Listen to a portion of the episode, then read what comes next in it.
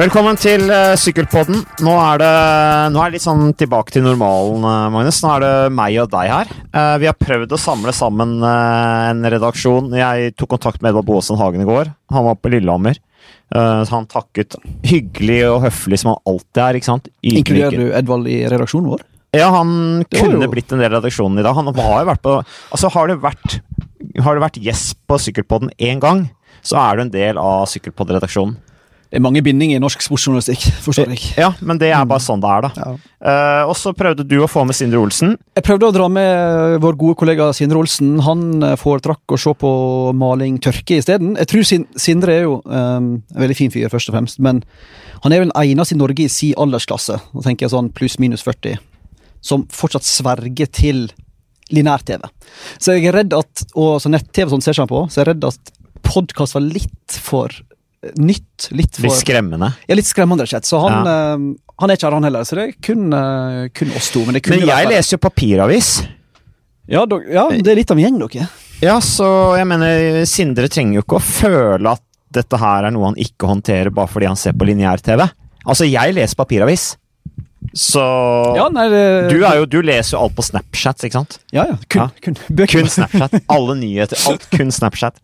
Men uh, vi har eh, Det er på tide at vi tar en eh, podkast nå. Dette her blir jo en skikkelig sær sykkelpodkast, fordi at eh, det er jo tross alt bare meg og deg. Vi har liksom ikke så veldig mye å slå i bordet med, annet enn det å snakke om hva som skjer der ute. Så vi kan egentlig bare gå rett på sak, Magnus. Hva er de hotteste sykkelnyhetene om dagen? Hva tenker du? Det er jo tross alt det er ikke akkurat sykkeltid. Jeg tenker det er tre ting som skiller seg ut. Det er Tour of Norway, som mange snakker om. Det er Snakker vi om det enda? Ja. ja. Sykkel-Norge snakker så mye om. Så tenk, tror jeg mange snakker om I internasjonale miljøer snakker masse om uh, Ineos-sirkuset, som utfolder seg i det britiske rettssystemet, og snakker om overganger, som det har blitt mange av. Ja, for det er fremdeles overganger der ute? Ja, stadig vekk. Tenk på det. Tenk på det. Så... Altså, folk signerer fremdeles. Ja. Tenk på det presset de har på seg, da. Altså, nå nærmer det seg jul. De veit ennå ikke om de har noe jobb i 2020, og så plutselig kommer den telefonen. Så ja, vi vil ha deg på laget. Sikkert på en shitty kontrakt, da. Når det er sånn i siste liten, så er det jo alltid de som ja. Da må du ta til takke med det dårligste du får, liksom. Bare du har noe å drive med. Men det var jo tre gode ting, da, Magnus. Ja, jeg syns det. Så, uh, så det skjer masse, og så er det jo liksom den derre Ja, Tour of Norway-debatten som noen mener at uh, I alle fall UnoX-leiren mener jo at her må en prioritere Tour of Norway over Hammer. Altså Kort fortalt, for de som ikke har fått med seg, så har ikke en sannsynligvis ikke penger til å arrangere Tour of Norway neste år.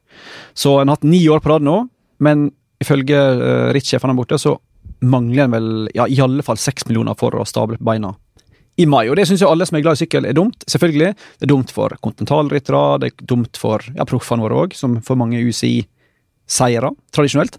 Og det er dumt for utviklingen av sykkelsport. Men så mener jo da en del at en burde kanskje prioritere Tour of Norway over Hammer Stavanger. Det er jo samme organisasjoner sant, som arrangerer dette. Så det mener UnoX, og så mener vel uh, bare UnoX som mener nei, det. Nei, men iallfall de som gått på banen med argumenter, da. Mm. Du mener kanskje det samme? Ja, jeg er enig i det. Altså, For å være helt ærlig, hvis jeg kunne valgt mellom de to rittene, så er jeg langt mer interessert i Tour Norway enn Hammer, altså. Uh, med den erfaringa jeg har med Hammer.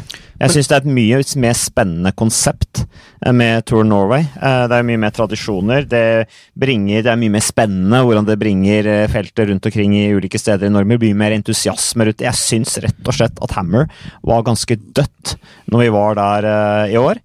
og det er ikke så veldig mange som skjønner noe særlig av det. Er knapt jeg skjønner noe av det sjøl. Som alle andre så sliter jo jeg med formatet, men jeg tror for de som fikk det med seg, så blir jo Limburg Hammer ble jo avlyst neste år. Den Hongkong-runda Hammer ble avlyst i var det i oktober det skulle være i år. Den Colombia Hammer er litt fram og tilbake, så jeg tror visst, om jeg har forstått det rett, da, med forbehold om at jeg kan forstå ting feil, som skjer veldig ofte om dagen, føler jeg. Så, oh ja, er du i en litt sånn dårlig periode? ja, jeg føler jeg blir, Ta mye feil? Ja, jeg glemmer ting ofte. Jeg begynner å bli gammel. Men jeg, jeg tror visst eh, Roy Hegerberg går til Hammer og sier du, jeg eh, arrangerer ikke, ikke, i år. Vi hadde det i fjor, men jeg kan ikke ha det i år. Da tror jeg du nesten velter hele konseptet. Da Jeg tror ikke det er en måte Altså Da tror jeg Veland vil slite veldig. Hvis du mister Stavanger og Limburg, og du ikke har Hongkong ennå, da tror jeg nesten Om ikke prosjektet er dødt, dødt, så tror jeg at det det vil få litt konsekvenser. der er det så mye stein og brostein og glass, og Ja, ja. der går det ikke an å ha sykkelløp Nei, nå. men jeg tror, ikke det det, ikke banen, jeg tror ikke det er noe sånn reelt alternativ for deg å avlyse. For du, da vil du sikkert forplikte deg til de tingene. Men eh, jeg er jo enig i at kan jeg velge mellom Hammer og et vanlig sykkelritt, så velger den jo selvfølgelig. Hammer er et politisk verktøy som er lagd av eh, lagene, primært. Eh, Det er noe lagene ønsker å tjene penger på på sikt. ikke sant? De ønsker å bygge seg opp en sykkelserie hvor de har kontroll på produktet og kan tjene penger bl.a. på TV-rettighetene. Nå går jo det ganske trått, da, når det snart ikke er arrangementer igjen.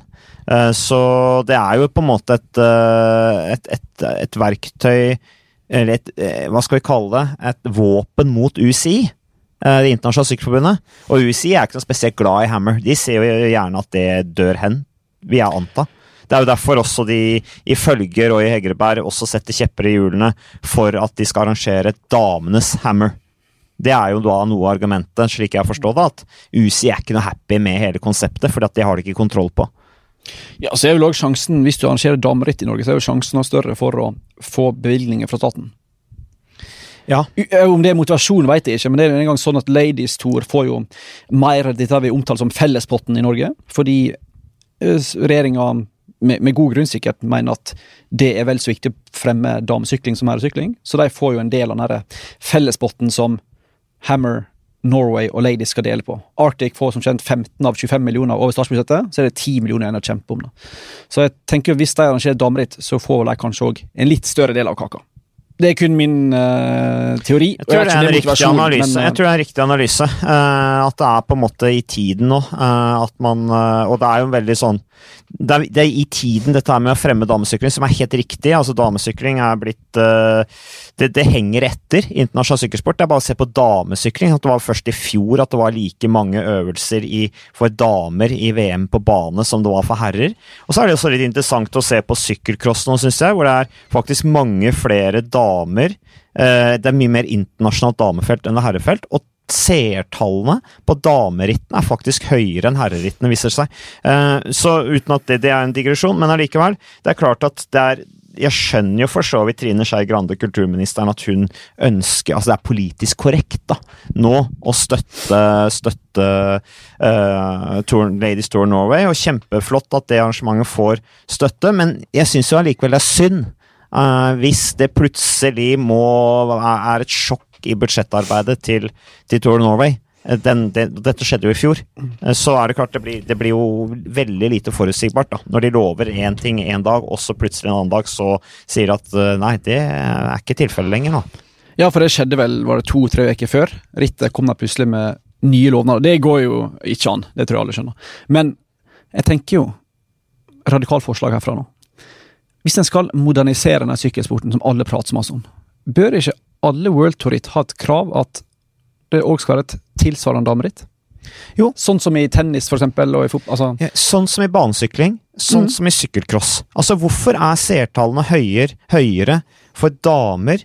Jo, fordi at det er akkurat samme arenaen. Mm. Eh, og, og det er faktisk enda mer gøy å se på damene, fordi at det er mange flere nasjoner som kjemper topp ti. Mm. Det er eh, mindre forutsigbart, for det er ikke Nå har det vært for så vidt litt mindre forutsigbart i, i sykkelcross-worldcupen i år, fordi Matthew van de Poel har hatt litt dårlig startposisjon og sånne ting. Eh, men normalt sett så er det enten han eller Wout van Aert som har sittet og kjørt solo i åtte av ti runder.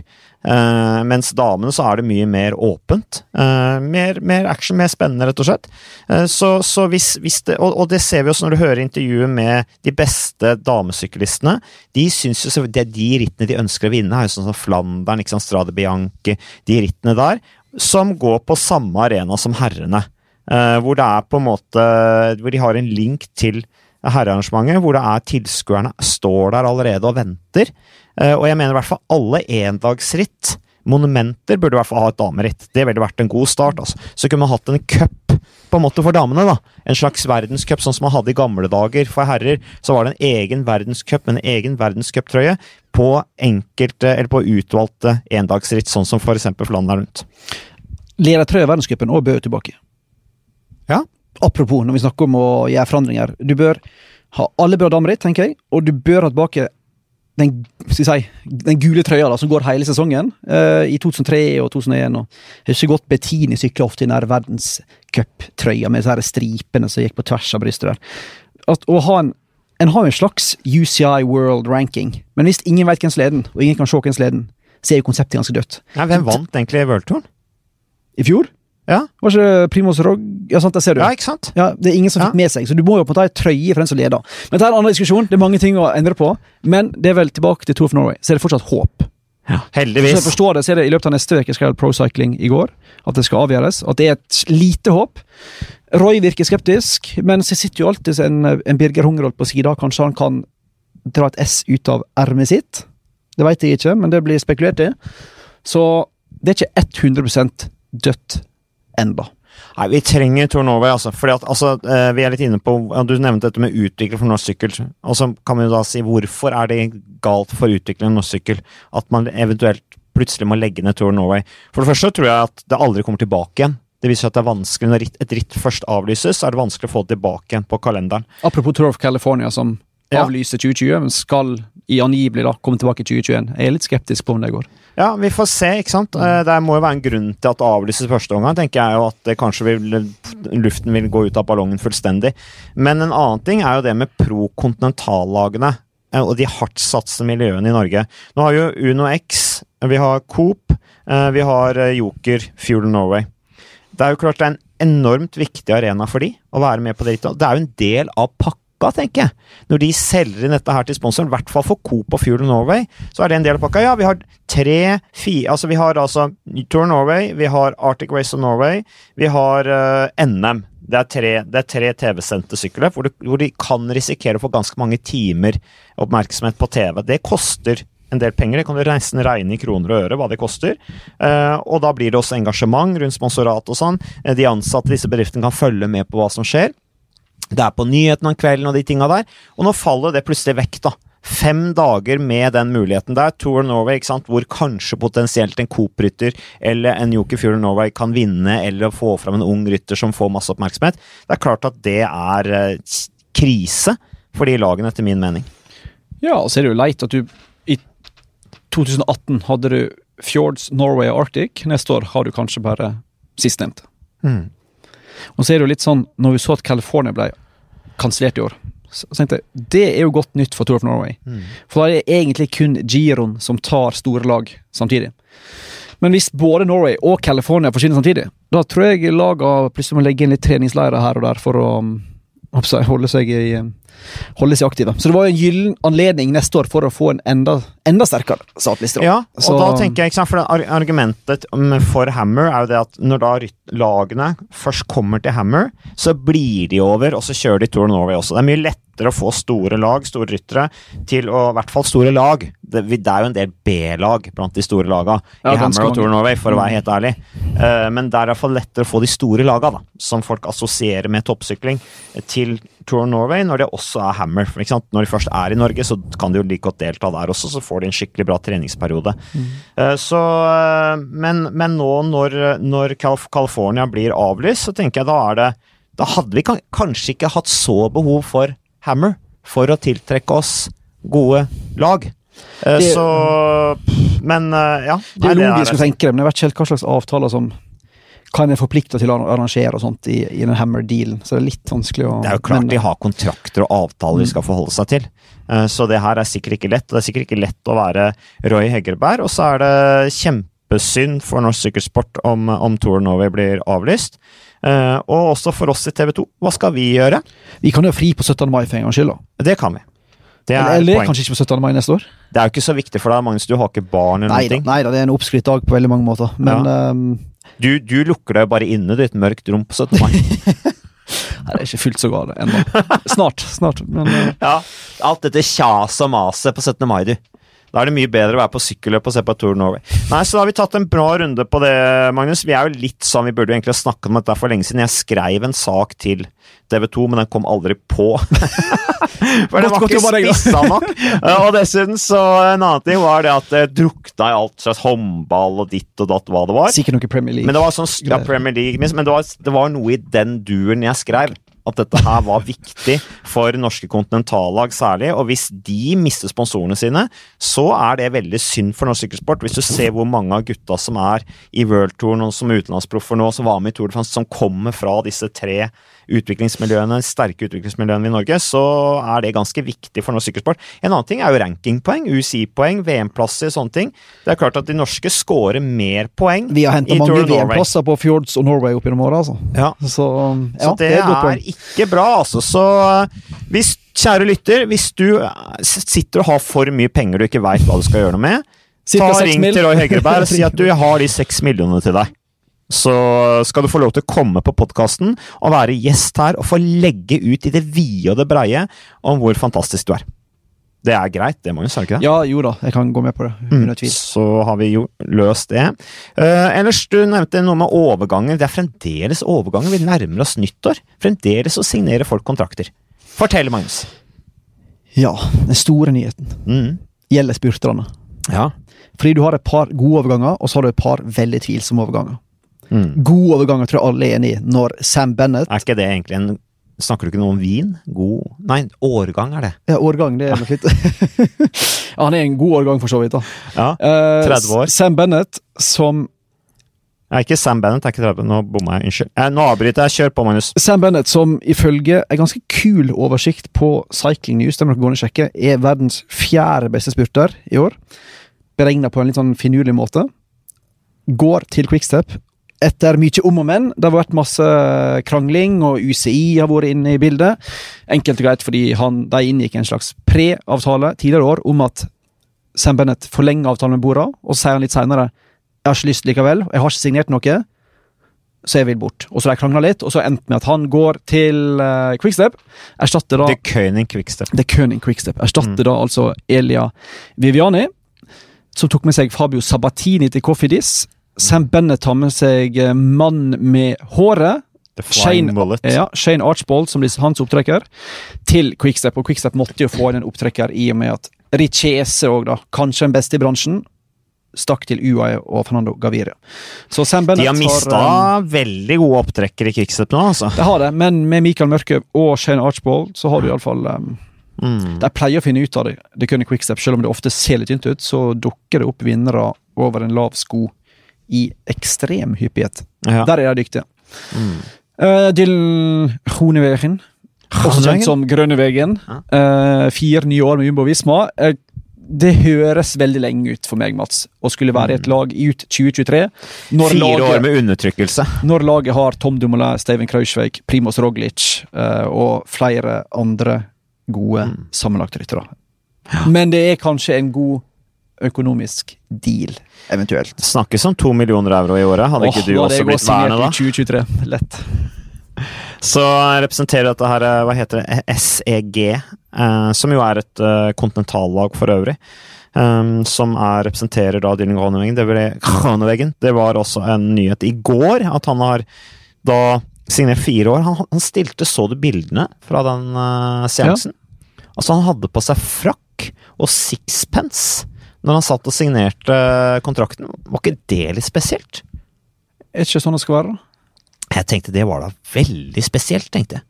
Hva du ville ha han skulle ha på seg? da? Nei, jeg tenkte kanskje at når du signerer en fireårskontrakt på to millioner euro, og det var champagne der, og de skålte og greier, at han i hvert fall tok av seg lua.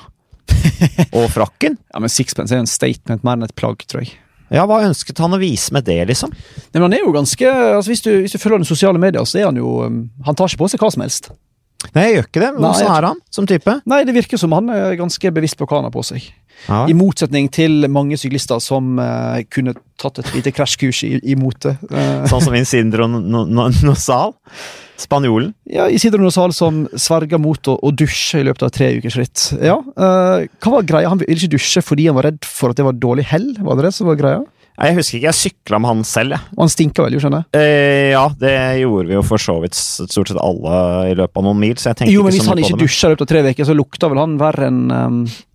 Men det jeg husker er at var, han var jo sånn energibunt. Han også sykla jo i Liberty Søygerås og Onse.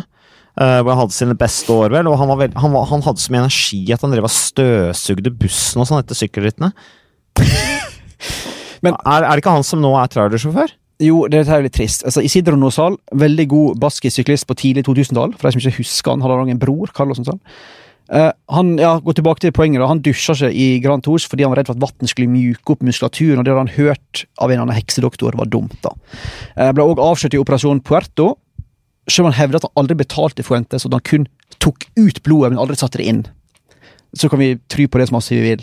Men han var involvert i en stygg bilulykke i Cantabria i slutten av september 2014, ifølge mine dokumenter. Bilen ble totalskadd. Nosal brakk armene, beina og hofta, måtte fjerne milten, satt i rullestol. Men har, som du påpeker, han er lastebilsjåfør, men om, det, om han er ute på en måte av Om han fortsatt er handikappa, eller om han kom seg, vet ikke, men han er lastebilsjåfør. Isidro Nosal, som uh, var, har vel på i alle fall én podieplass i, i Vueltaen. i fall, Hadde trøye i Vueltaen og greier. Uh, ja.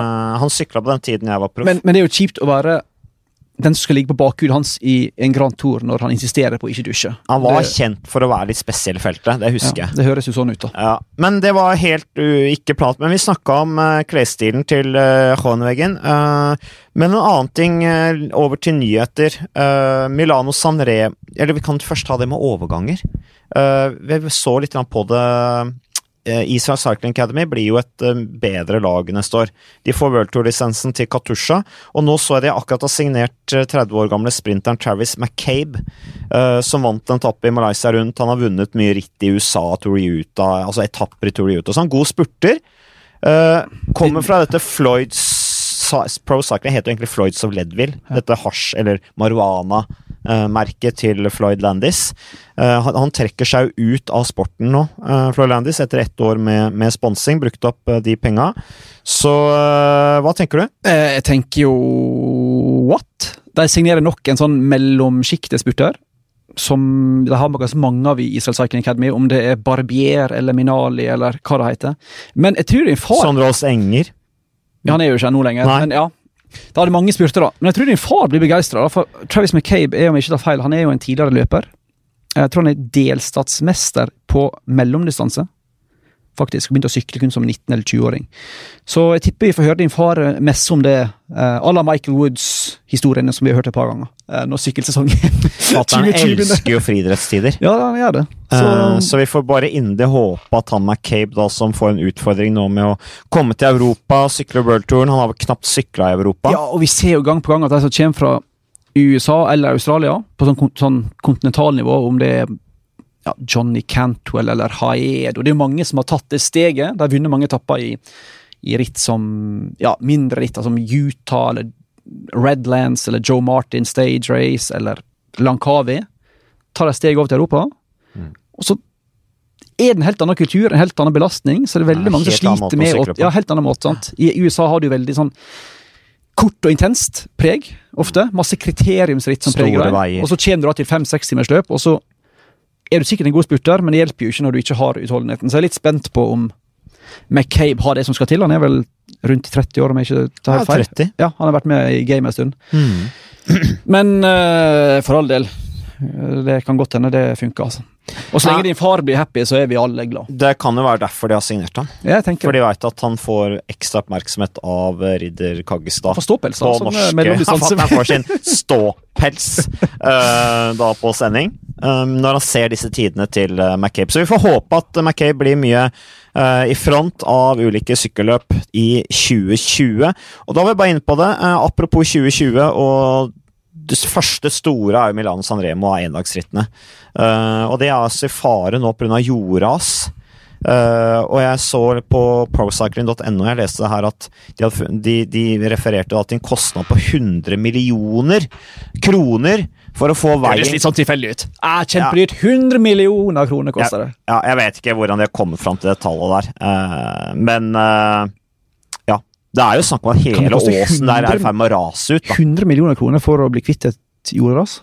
Ja. Er det sånn jordras som vi hadde i Tour de France? Der enkelte av oss fikk overtenning og fiske? Snakke om en naturkatastrofe, eller er det, det skikkelig ras? En ting som er sikkert at vi skal ha Dagotto og Lauritzen ned dit. Milano Sanremo, den ja. må vi ha booke inn allerede, Dagotto. Han skal og være der i god tid. Toby! Ja. ja. Så uh, dette er mat for det godt òg, definitivt. Uh, det er også veien opp til Poggio da, som er rammet, og det er på en måte det som er det er det som er Villano Sanremo. Det er Poggio. Det er jo, la oss, Siste bakken. la oss kalle en spade med spade og si at Poggio er jo den eneste grunnen til at folk gidder å se på Milano Sanremo. Jeg vet det har en veldig sånn her eh, mytisk posisjon, for det er så langt og sånt, men det er jo òg et dørgende kjelesykkelløp sykkelløp ofte. Mm. Det er faktisk Det det. skjer jo ingenting første seks timene. Opp en kjapp bakke og ned igjen, og så er mål. Mm. Så hvis det er Sanremo uten Poggio, da er jeg litt spent på hvem som skal Ja, det blir bedre norske seiersmuligheter. da, De kanskje. kan jo gjøre det Hvis de gjør det uten Poggio, så blir det jo et enda mer spurtritt, da. Ja, da blir jo norske mulighetene enda bedre, ja. Blir det Ja, det blir eh, Viviani og Gaviria. Men vi, det, Kanskje Alexander det er jo veldig mange sånne her saker i sykkelsporten om at uh, det, det, dårlig vær truer den og den veien og bakken og sånt, og det løser seg alltid. Ja. Bortsett fra naturkatastrofer i Tour de France, så løser det seg Det løser seg på en måte, det òg. Det gikk jo veldig fint. Ja, det er ingen døde. Nei. Eh, Rittet fortsatte, altså de bare Sånt fikser de. Sykkelrittene lever videre. Ellers så så jeg at eh, det var litt morsomt uh, intervju. Jeg har møtt Philip Gilbert noen ganger. Jeg syns han er litt artig type. Eh, som eh, beskriver eh, Remco Evenepool, unggutten som altså ble to i VM. Vant Europamesterskapet årets sesong som førsteårs senior, altså bare 19 år gammel. Det er jo et et hån mot alle disse sliterne som trener og jobber og konkurrerer. Stå på, tenke langsiktig, og så kommer det opp en sånn unggutt og bare kliner til fra første stund og vinner masse sykkelløp. På en helt sånn brutal måte også. Går i de mest ekstreme, perverse solobruddene og vinner. Foran nesa på formsterke veteraner som bare rister på hodet når han angriper. Så holder han inn, for ingen har sjanse til å kjøre han. Så ser jeg Gilbert uh, i et intervju jeg sier at han oppfatter han som Evenepool som arrogant, tok han ikke seriøst, og bare tenkte liksom Ro deg ned litt, grann, da, gutten min. Når han sto og fortalte om alle disse planene han hadde med å angripe både her og der, og så gjennomførte han det. Han gjennomførte det han sa han skulle gjøre. Så det blir spennende å eh, se på Evenepool. Og når vi er først inne på Gilbert, da er vi tilbake til dette med overganger, eh, Magnus. Eh, Lotto Sodal 2020. Vi pratet litt om det før vi skrudde på opptakeren her, at Gilbert og Degenkolb skal inn. Og så vet vi at Carl Fredrik Hagen har forlenget. Hva mer altså, Lotto Sodal er jo lag vi må følge litt med på nå, i og med at vi har Carl Fredrik Hagen der. Hva tenker du om, om det laget? Du er litt kritisk, er du ikke det? Uh, ja Du er ikke full av lovord. Jeg, jeg tror uh, Følelsen også i Lotto er at det er litt sånn gambling. Du velger å hente inn John Degenkolb og Gilbert, som begge er eh, i overkant av 35, iallfall begge to. Mm. Og så velger du altså da å Tish Benot, en av de mest sympatiske og talentfulle rytterne har hatt der på mange år. Han går til Sunweb, om jeg husker feil. Lorentz Nasen. De trenger han i Sunweb. Ja, det er de. Men uh, de kvitter seg med Lorentz Nasen, går til AG Toer. De mister Jens Køkkelere til Akkurat nå står det litt stille. Uansett, da, du mister iallfall ganske mange gode ryttere, og litt yngre, og så henter du inn Degenkolb og Gilbert, som i beste fall må beskrive seg inne i sin siste vår. Eller skal ikke dø, da, men de er iallfall inne i sin siste, siste år som aktive syklister. Og som Ja, men Gilbert har vist- treårskontrakt, har han ikke det? Han har treårskontrakt. Ja. Så han har jo tydeligvis ambisjoner. Men og Degenkolb mener at han er ferdig. ikke nødvendigvis ferdig, men altså rytteren er jo da Er han 30 år nå? John Degenkolb? Kolb? Noe sånt? Jeg, Jeg det. tenker at han har potensial. Det. Jeg tror han er 89-modell, samme som meg. Mm. Men han har jo, selv om han vant den Brosteinstappen i Tour de France i 2018, var det Ja, det? var ganske tett oppe den skaden, Ja. egentlig. Han har på en måte aldri satt helt det nivået som han hadde før den skaden. Nei. Det er en forferdelig treningsulykke Hvor de ble i Spania, der de ble kjørt ned Bargill Mm. og hele gjengen. Så å bytte ut Benot og co. med Degenkolb og Gilbert tenker jeg jo er litt um, På papiret syns jeg det ser ut som gambling, iallfall. Gambling, ja. Men klart, har, jo har ikke vunnet en stor vårklassiker siden Var det Gent Wefelgem for Ja, nå er litt tynn. For ti år siden. Altså, De Ja. vinner jo nesten aldri noen av de store vårklassikerne. Nei, og Klart- der har de kjempepress. Ja da. Og klart Gilbert kan uh, vinne, det viser han jo i år. Så. Eh, men jeg var litt overraska at de velger å bytte ut såpass mange unge ryttere med to såpass gamle Mm. ryttere. Men de har òg henta inn Jonathan Dibben, Matthew Holmes, unge briter. Men um, litt spent på hva Degenkolb og, og Gilbert har å by på, for å være helt ærlig.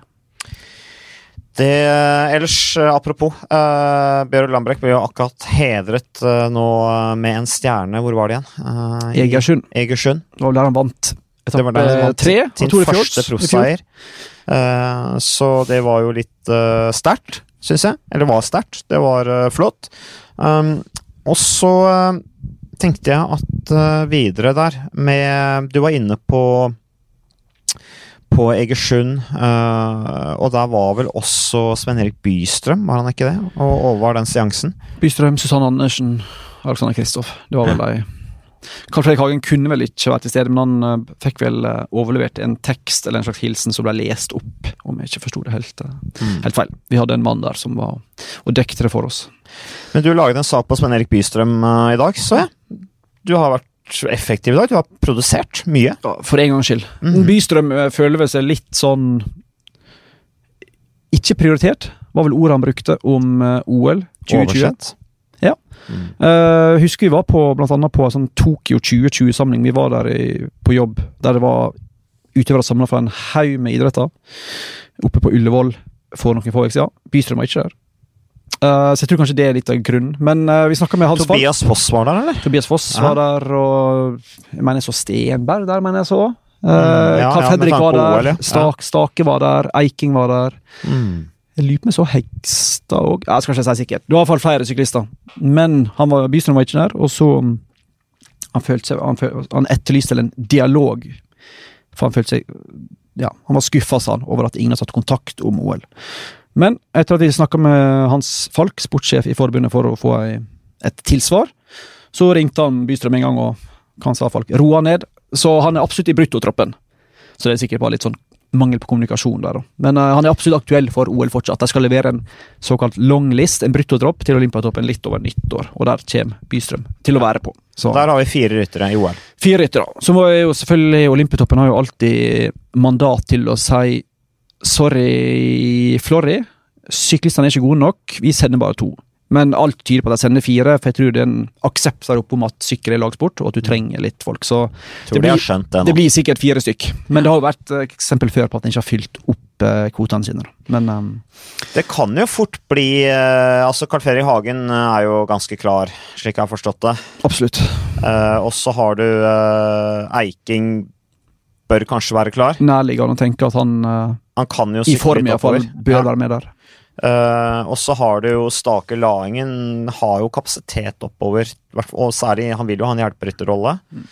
Uh, Tobias Foss kan være spennende. Det kan kanskje være for tidlig, men jeg tenker at det ja, kan Tobias være var på den Tokyo-samlinga ja, var, var lystende. Mm. Jeg tenker at han er naturlig der, så, men Sven Erik Bysøm Jeg ville også satt han i en bruttotropp. Ja, ekstremt allsidig rytter. Ja. Og klatrer jo ikke dårlig. Altså, Folk tenker jo ikke på han som en klatrer, med god grunn, men han er brukbar i bakka. Litt sånn som Stake, god i i typ, god bruddrytter i sånne løyper, tenker jeg. Så det er en del folk om beinet der, altså. Mm. Men så er utfordringa blant annet da, hvis du skal sykle Tour de France, som Bystrøm eksempel vil, så er det jo kun er det fem netter eller sek, ja, seks dager Seks dager før fellesstarten går. Um, og det er ganske mange timer tidsforskjell. Jeg lurer på om det er åtte eller ni dit. Det er ikke gunstig, altså. Nei, for Tommelfingerregelen nå må du rette meg om jeg tar feil, men er vel at du må én dag per time. Er ikke det sånn standard? Skal du ha seks, timer, altså, forskjell? Altså. Ja. Du bør egentlig ha to uker, etter min Så Olympiatoppen altså. anbefaler jo tolv dager før. Ja. Og her får du kanskje halvparten. Uh, og det er varme, og det er ekstrem luftfuktighet. Ja, Og skal du restituere deg etter Tour de France og lang flyreise. Ja, så du må i, fall, i så fall komme deg av gårde fra Paris med kveldsflyet søndag, sånn som Michael Woods. Jeg så han hadde bestilt flyet sitt til jeg tror det var halv elleve søndag kveld. Det går i mål på Champs-Élysées er det, det ni-tida.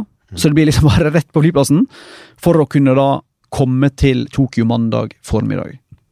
Uh, Valverde skal gjøre det. Uh, veldig mange flytende mener jo at her er fullt mulig. Jeg sliter Men Valverde tenker bare ikke noe over det. Han bare 'Å, jeg skal kjøre Tour de France', og så har jeg lyst til å reise rett til Tokyo og kjøre Altså, han, han tar bare sånn på sparket. Men de som er litt opptatt av restitusjon og sånn jeg, jeg Men Valverde vet du hva han driver med, da. Ja, det gjør han, men han tar ting mye lettere enn alle andre. Ja, det er sant. Jeg tror han har veldig sånn avslappa forhold til alt. Ja, ja, ja. Vi Altid. ser hvordan det går, liksom. Alltid i form, han. Ja, alltid i form, vet du. Nei, men det blir spennende å se. Og så er det jo det at han ofte også mangler det siste lille, da. Til å kanskje vinne enda mer. Han er ofte i sånn 98% form, mm. men sjelden i 100. Så ja, Det er et godt poeng, det. Men det blir spennende å se hvordan de legger opp den kabalen. For du, du må i så fall, om jeg om vi skal høre på ekspertisen på dette feltet, da, så må du i alle fall, hvis du ikke kommer dit lenge før, ha gjort en del varmetilpasning, enten trent i, i varmerom eller varmevest. Altså, og du har gjort en del av det i forkant. da. At du kan ikke komme uforberedt seks dager før. Så det blir spennende å se hva de finner ut av. Jeg tror det blir en del ryttere som stiller til start der, som etter en times tid strekker hånda i været og og, og sier dette går ikke. Jeg tror det er en del ryttere som når de er på siste uka i Tour de France, uh, tenker at kanskje jeg ikke har så lyst til å reise til Tokyo allikevel. kanskje. uh, men uh, vi får jo se. Vi får jo se. Det er jo ofte sånn når utøvere er, har bestemt seg og de har målsettingen, og det er klart at matchingen de får i Tour de France, hvis de bare får sluppet opp, de kommer seg gjennom reisa helt greit, så kan de også De kan ha dagen men du skal ha litt flaks. altså Du ser bare på triatletene med Blummenfelt og Iden og disse her, hvordan de forbereder seg i forhold til det å, å skulle være best mulig i Tokyo. Blant annet med trening i varmekammer, men det gjør også Carl Fredrik Hagen, ser jeg. Han ja, da, trener også nå i varmekammer. Det, fleste, og det som er interessant med det, en, det er jo akklimatisering i forhold til varmen og tåle det. Hvordan reagerer kroppen når du skal kjøre hardt i så intens varme? Kroppen reagerer annerledes. Anna terskelen din blir mye lavere. Du går mye raskere opp i rød sone, bl.a. fordi at når det er veldig varmt, du blir dehydrert, så, så, så, trekker blodårene seg sammen. Akkurat som når du røyker eller snuser. Da får du mindre oksygen til muskulaturen, går fortere stiv. Og det må du øve på. Uh, ikke minst mentalt. Du får rett og slett mindre oksygen. Det er som å være i høyden. Uh, en annen ting med å trene i høydekammer er jo dette her at de faktisk de, Det viser seg jo testing annet fra denne laben med, Lillehammer med Hva heter han igjen? Han eh, Joar uh, Joar Hansen og Bent Rønnestad på Lillehammer. Ja, ikke sant? Mm. Som har funnet ut det at ja, du får faktisk mer røde blod, blodlegemer av å trene i ekstrem varme. Det er kjempeinteressant. Ja, det er, Så det er litt sånn høydetreningseffekt. Ja, det håper jeg å bevise teorien om at du kan få en om jeg har forstått deg rett, at du kan få tilsvarende utvikling i HB-masse, altså hemoglobinmasse, ved å trene en viss mengde på en viss intensitet i varmen som du får i høgden. Så har du selvfølgelig mange andre positive effekter av å trene i høgden. Treningsleireffekten, som mange sier. Eh, du slipper andre eh, distraksjoner. Men det er ganske interessant, ja. Så det blir spennende å se om de faktisk klarer å, om folk benytter seg av all den forskninga og alle de midlene som faktisk er til stede der. Og folk, er, om folk er nysgjerrige nok til å faktisk gjøre forberedelsene som skal til. Jeg var hadde en spinningtime her om dagen.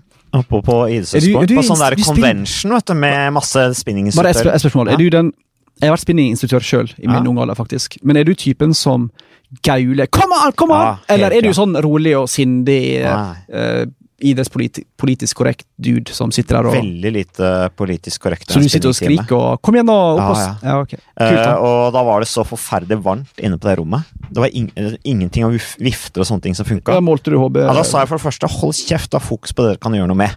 Ikke sant? Det er å trå den sykkelen rundt. Jeg kan ikke, jeg kan ikke gjøre det med lufta her.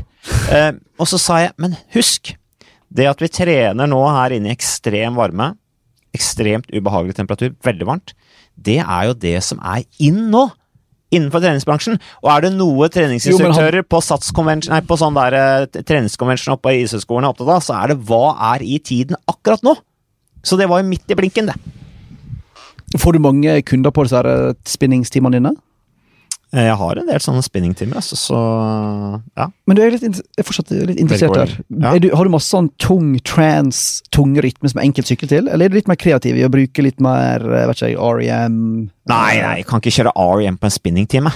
Men det er jo gøy, for da kan du synge med. Istedenfor bare å høre på den der. Den der Finest Work-song med REM, den kan du spille. Den funker. Bad Day. Uh, ja, men stort sett så går de mer sånn Det må bli litt sånn house, altså utrolig slitsomt. da. Og så husker du gaule og rope i tillegg. Ja, men det, du, du må jo ha litt trøkk på det. Men én ja. ting som er sikkert, er at jeg spiller ikke Eye of the Tiger. Oh, det blir for dumt, altså. Det blir bare liksom, fryktelig, nei, fryktelig. slutt, liksom. Nei, det, da hadde jeg gått. Hva med Queen sin uh, I Love My Bicycle-variant? Nei, den tar jeg ikke, men Radio Gaga funker. Den er kul. Den funker. Så Det er styrketråkk, da, eller? Litt sånn tung rytme? Jeg kjører bare tungt hele tida. altså, det skal være tungt. Skikkelig tungt. Og syra skal sprute ut av øret. Frekvens på sånn 50-40 Altså, Hvis ikke du har kjent på syra si, da kjenner du deg ikke selv godt nok. Altså, For å være et menneske så må du ha kjent på syra. Du lærer så mye om deg sjøl ved å kjenne på syra. Det er så nyttig å gjøre. Og så er det også, viser det seg, veldig bra for hodet. Med litt melkesyre. Altså syre Så masse I pseudo- hver er ikke bra for hodet, men akkurat melkesyre er bra. Okay, hvis du Det er den eneste syra som er bra for hodet for øvrig. Men uh, jeg bare så en interessant oversikt her, Magnus. Uh, yngste og eldste World Tour-lag i 2020. Sunweb beholder den statusen, eller Ja, men- ledelsen. Men det er ingen, det er ingen honnør, det, altså. Hvis de, de åpenbart har et problem med å holde på sine beste ryttere, om det er Tøyns eller Bargill eller uh, Degenkolb eller uh, Dumoulin Ja, eller uh, og, og da, uh, Jannicke Ensing altså, Mm. Hvis de mister sine beste ryttere hele tida, så kan, og må hente inn billige unge ryttere isteden, så kan det liksom ikke bare sånn Yes, vi er yngste i bransjen. For dette var jo ikke planlagt. Nei, det er Så det er jo et, problem, de, må jo problem, altså. måte, uten å vite akkurat hva som foregår i det laget, så må de jo på et tidspunkt gå litt i seg sjøl. For nesten samtlige ryttere som da forlater laget der, beskriver at det er utrolig masse sånne protokoller og, og regler for ting, og at det er for slitsomt i lengden. Så hvis du mister så mange stjerneryttere gang på gang, så må du kanskje ja, Nei, de finne ut av et eller annet, da. De er gode til å utvikle rytter til Ja. visst nivå, og så var det jo i utgangspunktet så var Sunweb, altså da det het eh, Hva het det før da? Det het Argos Shimano og sånn. De var kjempegode på spurt. Ja, Kittel, Kittel og Degenkolb. og- Degenkolb og gjengen der. Fantastisk god på opptrekk. Men så kom Demolay inn, og for så vidt har hatt suksess og sånn, men de sliter på en måte med å med den der eh, transformasjonen de har hatt der, altså. Mm. Uh, det er et eller annet som har skjedd med det laget. Nå mista de også på kvinnesida Lucinda Brandt, ikke sant? Som går til Trek Fredo. Hun sykler ikke for Sunweb heller på, på sykkelcross, da sykler hun for et av disse belgiske lagene, det Telenet, Fidea eller et eller annet. Men uh, 24,7 år er altså gjennomsnittsalderen på Sunweb. Det blir altså det yngste laget, sånn som det var i 2019, også i 2020. Men det er, jo, det er jo brutalt å miste Tom Dumoulin for et sånt lag. da. Mm. Når du ikke lenger har Bargill, sitter du igjen med Tom Dumoulin, som kanskje er den- ja, en av de mest lovende etapperitterne En av de beste, unnskyld, etapperitterne i verden. Så mister du han plutselig, og sitter du igjen med Du har riktignok en Wilco Kellermann, som var nummer fire i Vueltaen for et par år siden. Vant den første utgaven av Tour of Norway, tror jeg. Mm, stemmer det. 2011. Du har en Sam Omen som er et kjempetalent, men du sitter jo igjen med null garantier for suksess i de tre store etapperittene. Å sette seg i den situasjonen der er ganske spesielt. Men uh, Det blir litt sånn utviklingslag. Sunweb. Ja, Sikkert fantastisk utviklingslag. Nesten og Andreas Leknessund skal jo dit. Uh, Susanne Andersen er der. Vi har Vegard Stokke er der også, på, på på. U23-laget. Eh, så vi har jo tre nordmenn der, da. Kjempebra, kjempebra, bra, men de må gjøre et eller annet der, altså. For å bygge et et skikkelig Altså for å Ja, for nå- bygge en rytterstamme rundt de beste Ja, rytterne. for nå minner det meg om, om Arsenal. At du utvikler mange gode spillere, om de heter Fabregas eller Nasri eller van Persie eller hva det er. Men når de først da blir verdensklasse, så stikker de en annen plass. Og det er bittert for deg, for du er Ja, det, Arsenal-fan. det, nettopp. Så Sunweb jeg liker jo ideen om at individet ikke er større enn laget. Hvis det er sånn at Dumoulin kanskje hypotetisk spredde masse dårlig stemning, og så bedre å ikke ha han, så liker du å sette laget over rytteren. Men sykkel er jo verdens mest individuelle lagidrett, så du trenger Du må nesten beholde de beste rytterne, ellers er det veldig tungt. Så jeg tror Sunweb har en litt sånn Ja, ja, du har Mark Hirschi, og du har jo Krag Andersen, og du har jo Michael Matthews og Tish Benot, og det er mange gode ryttere, da. Men, ja. men i- på sammenlagtrytterfronten tror jeg det kan bli ganske tungt neste år. Ja. Wilco Kellermann krasjer jo alltid når han får muligheten, sant? så det Ja, han er skjør. veldig skjør. Det er Samome nå. Ja, så, men klart, talentet er jo der. Så, Mm. Men eh, strek i regninga, mildt sagt, for Sunweb. Ja, nei, så det Vi bare ønsker de lykke til.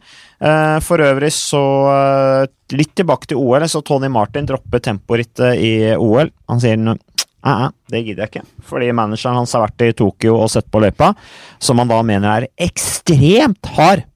Uh, og derfor så er det mye bedre at Tony Martin pusser formen til VM. Tony Martin skal sikkert kjøre Tour de France òg.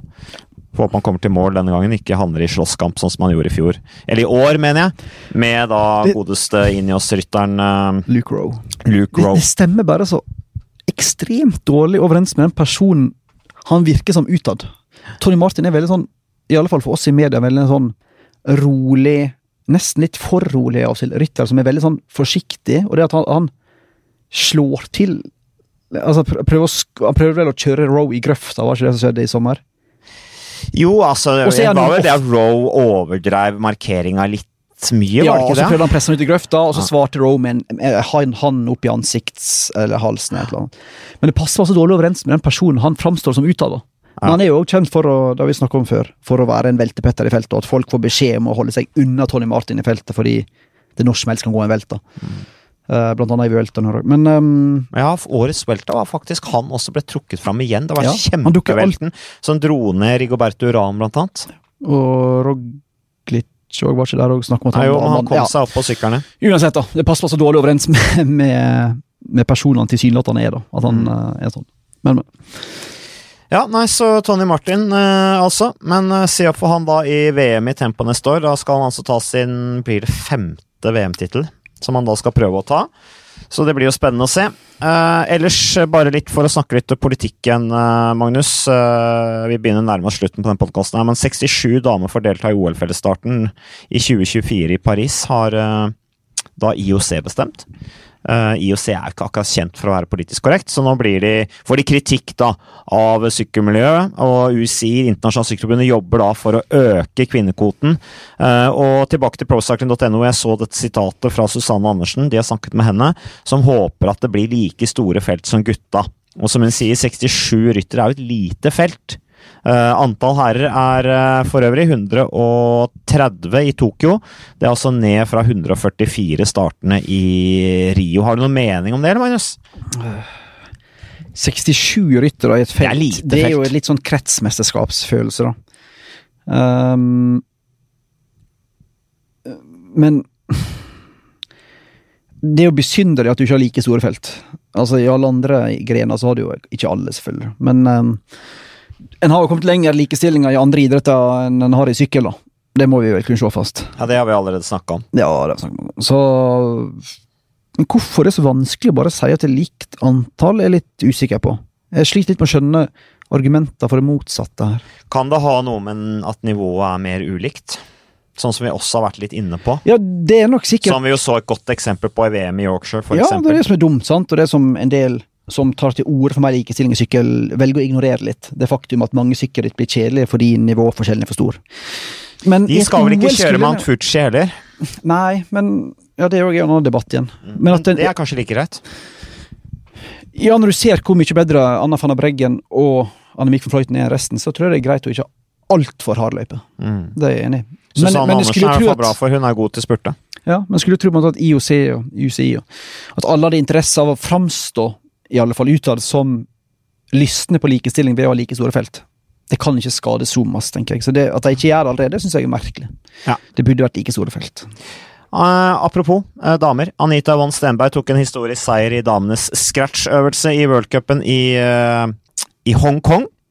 Så det er ikke bare demonstrasjoner der, de sykler også litt bane. En bane som for øvrig ble åpnet desember 2012 av Carrie Lam, som jo nå er mye i nyhetene pga. alle disse demonstrasjonene. Fordi at. Hongkong-myndighetene ønska altså de ønska ikke at så mange lokalsyklister måtte reise til Kina for å trene. Derfor bygde de denne flotte velodromen, da. eh, som, eh, som eh, Det var VM i 2017, og som det da har vært World Cup nå tre eller fire år. Så Du satt og kommenterte, gjorde du ikke jo, jeg satt og kommenterte alt. Det er eh, litt sånn annen form for kommentering. Eh, det er hvor mange, Jeg vet, lurer på hvor mange runder jeg egentlig kommenterte til slutt. Jeg. For du satt sånn tre-fire timer om dagen og kommenterte. Og så tenkte jeg liksom, hvor mange runder har jeg egentlig kommentert nå? Jeg husker jeg satt og tre-fire år siden kommenterte Var det VM? Sammen med jeg tror det var Anders Odli. Jeg tror jeg var med i boksen. Og mista fullstendig oversikt. Og så var Poengsummen kom ikke opp på skjermen, og så fikk du noen beskjeder som var helt feil. Og så, nei, det var et mareritt, altså. Men eh, det gikk sikkert bedre med deg. Ja, nå har jeg gjort det litt, så nå, men jeg også hadde det helt sjokk når jeg kommenterte banesykkel første gang. For jeg satt liksom og dro fram litt arkiver og satt og leste litt og sånn. Og så var det, jo, og så var det Madison! og, så, og så kikka jeg opp, og da hadde de allerede kjørt 50 runder. Og så bare Ja, hva skjer egentlig her? Så du må være Du må, du, du, du må se. Du må følge med hele tiden. Men det er, er fantastisk moro, altså. Så, og det var gøy med Anita von Stenberg, som tok sin uh, første verdenscupseier. Uh, og jeg tror vel kanskje at det er historisk første verdenscupseier på bane for Norge. Det tror du er helt riktig. Ja. Rett i. Og så ligger hun meget godt an til å ta en OL-plass, da. Mhm. Så det var gøy. Så det blir den første norske banesyklisten i så fall i OL siden 96, tror jeg. Ja, Med da altså Våland. May-Britt Våland. Ja, jeg tror det var hun som mm. Som for øvrig fikk en bronse i VM i Bogota i 1993. på 3000 meter individuell forfølgelse. Så eh, det er eh, Hun ble nummer fem også, Anita Yvonne Stenberg, på eh, da Omnium, som er fire øvelser. Det er altså Scratch, som er en fellesstart, første rytter til mål, og så er det Tempo Race, som da er det er poeng hver runde. Sanker de poeng. Og så er det altså da utslagning, som er moro. Siste rytteren i feltet går ut hver runde. Også der gjorde for over Anita Yvonne Stenberg litt dårlig. Der tapte hun litt eh, i forhold til hva som var potensialet. Så er det da poengritt til slutt, og alle disse poengene samles. da. Kjempemoro. Fire øvelser er jo OL-gren også, dette her. Selvfølgelig. Så det blir spennende å se. Um, det var jo litt sånn mulighetenes ritt i Hongkong, fordi feltet var noe svakere. Manglet jo blant annet uh, disse Kirsten Wilt, f.eks. Amerikanerne var ikke der, britene var ikke der osv. Men allikevel stor kudos til Anita for at hun tok seieren i scratch. Så da tror jeg vi har tatt ganske mye. Magnus, er ja, det noe du vil legge til? Ja, innom største saken nå. Og hva var det, ja? Ineos. Å ja, vi skal snakke om det òg, ja. Bør ikke vi det? Jo, ja, vi kan godt ta litt om det. Det det er jo en sånn evig saga, det der. Ja, den, fort, den pågår fortsatt. Mm. Som altså saken som forenkla, kan vi si, det handler om hvorfor det ble bestilt testosteronplaster til Team Sky British Cycling sitt hovedkvarter. Det er et legitimt spørsmål. Det er et veldig legitimt spørsmål, og det er veldig få svar å oppdrive. Uh, BBC dekket her i stort omfang, The Guardian, alle disse store avisene. Vi i Norge er ikke så interessert. Vi ble jo interessert, det kom et par saker med en gang Chris uh, Shane Sutton kom med den der uh, meget uheldige, uh, nok en gang, kommentaren om at han ikke hadde problemer med å få ereksjon. Og ja, da ble det overskrift. Ja, at det kunne kona hans vitne på. Mm. det er jo da sagt at det er jo da Richard Freeman, tidligere Team Sky-lege, som har sagt at jeg bestilte ikke testosteron til rytterne. Først sa han at det var en feilbestilling. Så innrømmer han at det var løgn, og sa at han bestilte det med vilje, og det er nok sant. Og så sier han nå da at jeg bestilte fordi Shane 17 trengte det. For han, han fikk den ikke opp? Rett og slett. Det høres komisk ut, det, men det er jo faktisk sant, dette her. Uh, Shane 17 Det er ikke noe komisk, da. Tenk å sitte, og så får du den ikke opp. Det er ikke noe å le av det, Magnus. Men, men han sier jo da Det er bare så absurd. Forestill deg 17, da! Hæ? Endelig var kona varm, liksom og han hadde noe på gang, og så får han ikke opp. det føler klart at du kan gå i... fyren trenger testosteron. Ei eller annen metoo-følge uh, hvert eneste sekund. Men, men, men, men, det absurde er jo at du har en måned forveien så har du Nike Oregon Project og Alberto Salazar, som driver med testosteronforsking og eksperimentering, men ikke på utøverne. Så har du en ny testosteronskandale på verdens beste sykkellag. Altså har du verdens beste friidrettsmiljø og verdens beste sykkellag. Alle driver og bestiller testosteron, prøver det fram, bla, bla, bla. Men ingenting Ingen er til rytterne.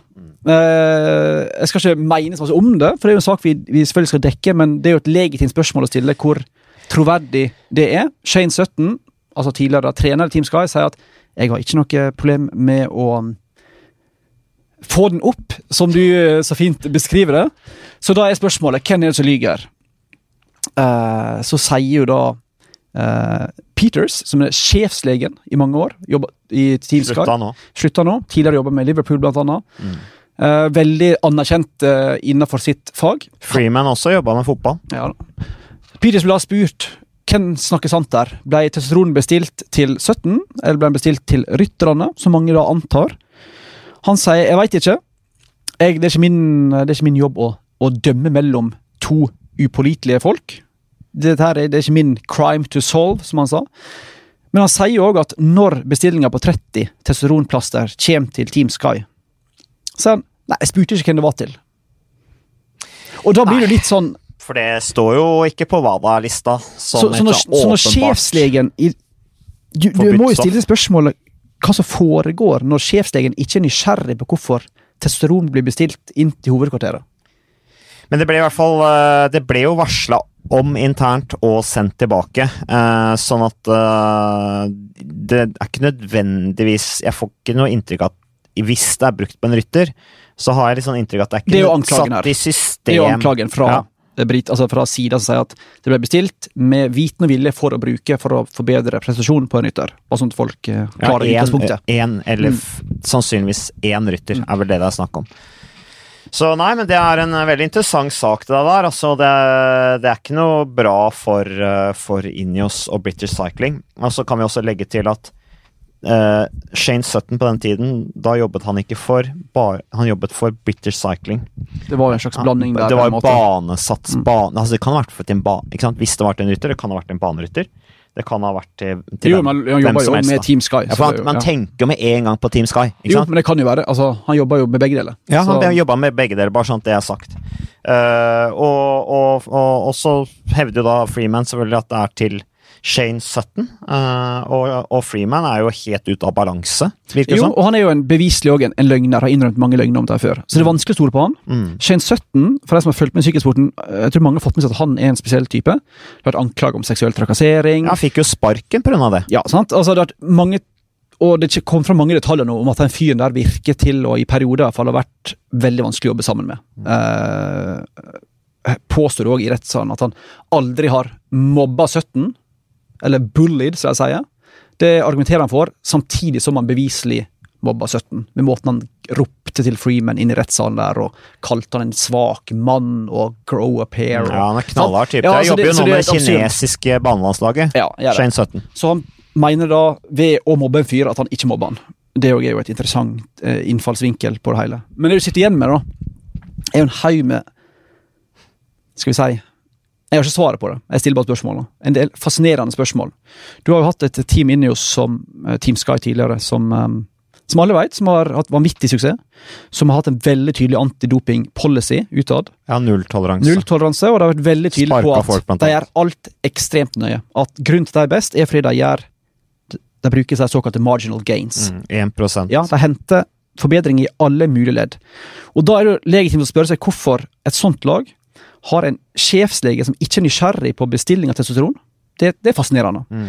Det har en lege, Freeman, som er, er bipolar. Han er rotete, har ikke kontroll på medisinen han gir til eh, rytterne. Han behandler folk uten å dokumentere det. Han uh, gir ut medisiner og mister laptopen der du fører det på. Ikke noe backup, så ingen veit hva medisiner som er gitt. Han legger ikke inn Nei. informasjonen ikke sant, sånn som de Ja, skulle. så han har rett og slett ikke noe oversikt over hva medisiner rytterne på laget får. Du har en- Fullstendig sur. Du har en sjefstrener, 17, som er i konstant konflikt med alle folka rundt seg. Eh, du har et lag som går med på å bruke triamsonolon, altså kortikosteroider, preventivt. Mm. Du har ansatt en fyr som heter Gert Leinders. Det er en Jiffy Bag-story. Det er veldig mange momenter. da. Mm. Eh, det er vanskelig å svare på dem, men britisk presse stiller veldig mange legitime spørsmål rundt det laget akkurat nå. Eh, det går kanskje litt mange i Norge hus forbi, i og med at verken vi eller andre dekker det så masse. Mm. Men den saken pågår fortsatt, eh, og får vel sin konklusjon ja, Akkurat hvor fort det britiske systemet fungerer, er jeg ikke sikker på. Men det er iallfall det er ganske sånn big deal for internasjonal sykkelsport som pågår akkurat nå. Rett etter den der store Salazar, eh, Mm. Nike Oregon Project-skandalen i, i friidrett og Mo Mm. Farah og alt det der. Og det du sitter med, det er at Salazar, de beste friidrettsutøverne, langdistanseløperne, pluss de beste syklistene Du har altså støtteapparat som bestiller og bruker og eksperimenterer med testosteron over en lav sko, Mm. men ingenting angivelig blir gitt til utøverne. Det er shady. Ja, det er vanskelig. Jeg skal ikke, jeg skal ikke mene sånn om det, men det er mange spørsmål som en bør stille. i. Det er eh, i hvert fall det er veldig bra at det blir stilt spørsmål rundt det. Ja. det og det er eh, veldig viktig òg. Testosteron for øvrig er jo det, det er jo på, det er så soleklart på forbudslista. Mm. Eh, mikrodosering av testosteron kan du klare å lure systemet med, slik jeg har forstått det. Så eh, det er eh, viktig at de får uh, reist på det. Ellers så var det vel litt sånn at uh, sir Dave Brailsford, han eh, Det sies jo at han Det sklei ut med Freeman og, og Sutton uh, da han slutta i det britiske forbundet Uh, med satsinga der. Men eh, Ja, det var, han har foreløpig sluppet, vel, han har foreløpig sluppet unna, Ja. Da. Og 17 og Freeman handla vel også en krangel om refundering av flybilletter. Når Freeman ville hjem fra jeg tror det var i Kali, verdenscup banesykling, fordi det var en det som ble omtalt som et family bereavement, betyr vel dødsfall i nær familie. Freeman ville hjem, og mente at det må jo arbeidsgiveren betale flybillettene for. 17 sa det driter vi i, og så ble det en stor greie, da. Over noe så håpløst lite som det der. Så det virker til å ha vært fullstendig anarki. Fullstendig anarki blant fysioer, leger og sjefsleger inne i denne British Cycling Team inne hos um, bobla. Nei, Jeg tror det var en ganske sterk ukultur der, altså. En Voldsomt. periode. Som, eh, og det har jo også enkelte tidligere utøvere sagt. Ja. Uh, at det var for tøft og alle- ja. prestasjonsmiljø der, rett og slett. altså. Så, eh, så det var sikkert ikke bare bare. eh, og var du på toppen, så var det sikkert eh, fint. Hadde sikkert folk som jobba som bare det. Og så er det jo overraskende at de hadde så dårlig kontroll da, på viktige deler av, av støtteapparatet. Så det blir spennende å se videre. Ellers så kan jeg jo, apropos dette med doping, Magnus. neste uke skal jeg spille en podkast. Det blir ganske bra panel. Uh, I hvert fall eh, mye tyngde hva gjelder eh, kunnskap og folk som sitter i det, og har sittet i det. Det blir med Linda Hofstad Helleland. Det blir den 11. Ved 11. desember skal vi spille inn den. Det blir to dager etter denne beslutningen om hva som skjer videre med Russland. Den skal jo tas 9. desember. Eh, Jeg tror jo at det ender med det samme som eh, Pyeongchang, at de får delta som, som eh, nøytralt, nøytralt med nøytralt flagg. Men da blir det Linda Hofstad Helleland, og så blir det Rune Andersen, som jo er, er styreleder etter CADF, som er det uavhengige antidopingorganet til Det internasjonale sykeforbundet er for øvrig under press, det også nå.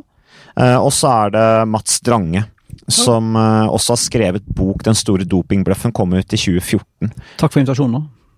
Ja, altså vi har bare fire mikrofoner, og du er jo på ferie. På ferie? Jeg Er skal, til, ferie, jeg skal til Spania og møte Tobias Foss og Uno X og diverse Ja, det er jo ferie. Og du skulle bare visst Du kaller det jobb, men de fleste mener at det der er ferie, Magnus. Ja, men Det er en generell misforståelse. Vi Ja. jobber aldri hardere når vi er ute på reise. Så, så selv om det høres, er det sånn å, til Spania og snakke litt med syklister, så er det faktisk Nei, Jeg skal sitte her og klage, men det faktisk, vi jobber faktisk òg litt innimellom. Så det er ikke bare sånn eh, sole seg på med en eh, cerveza eller to. Ja, nei.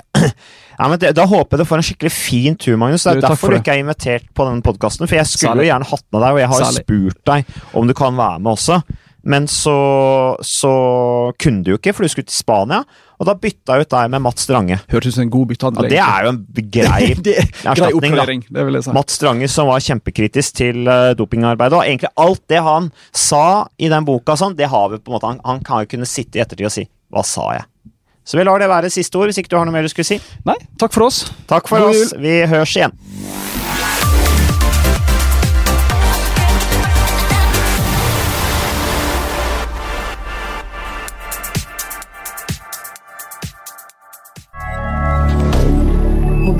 hebdomadaire.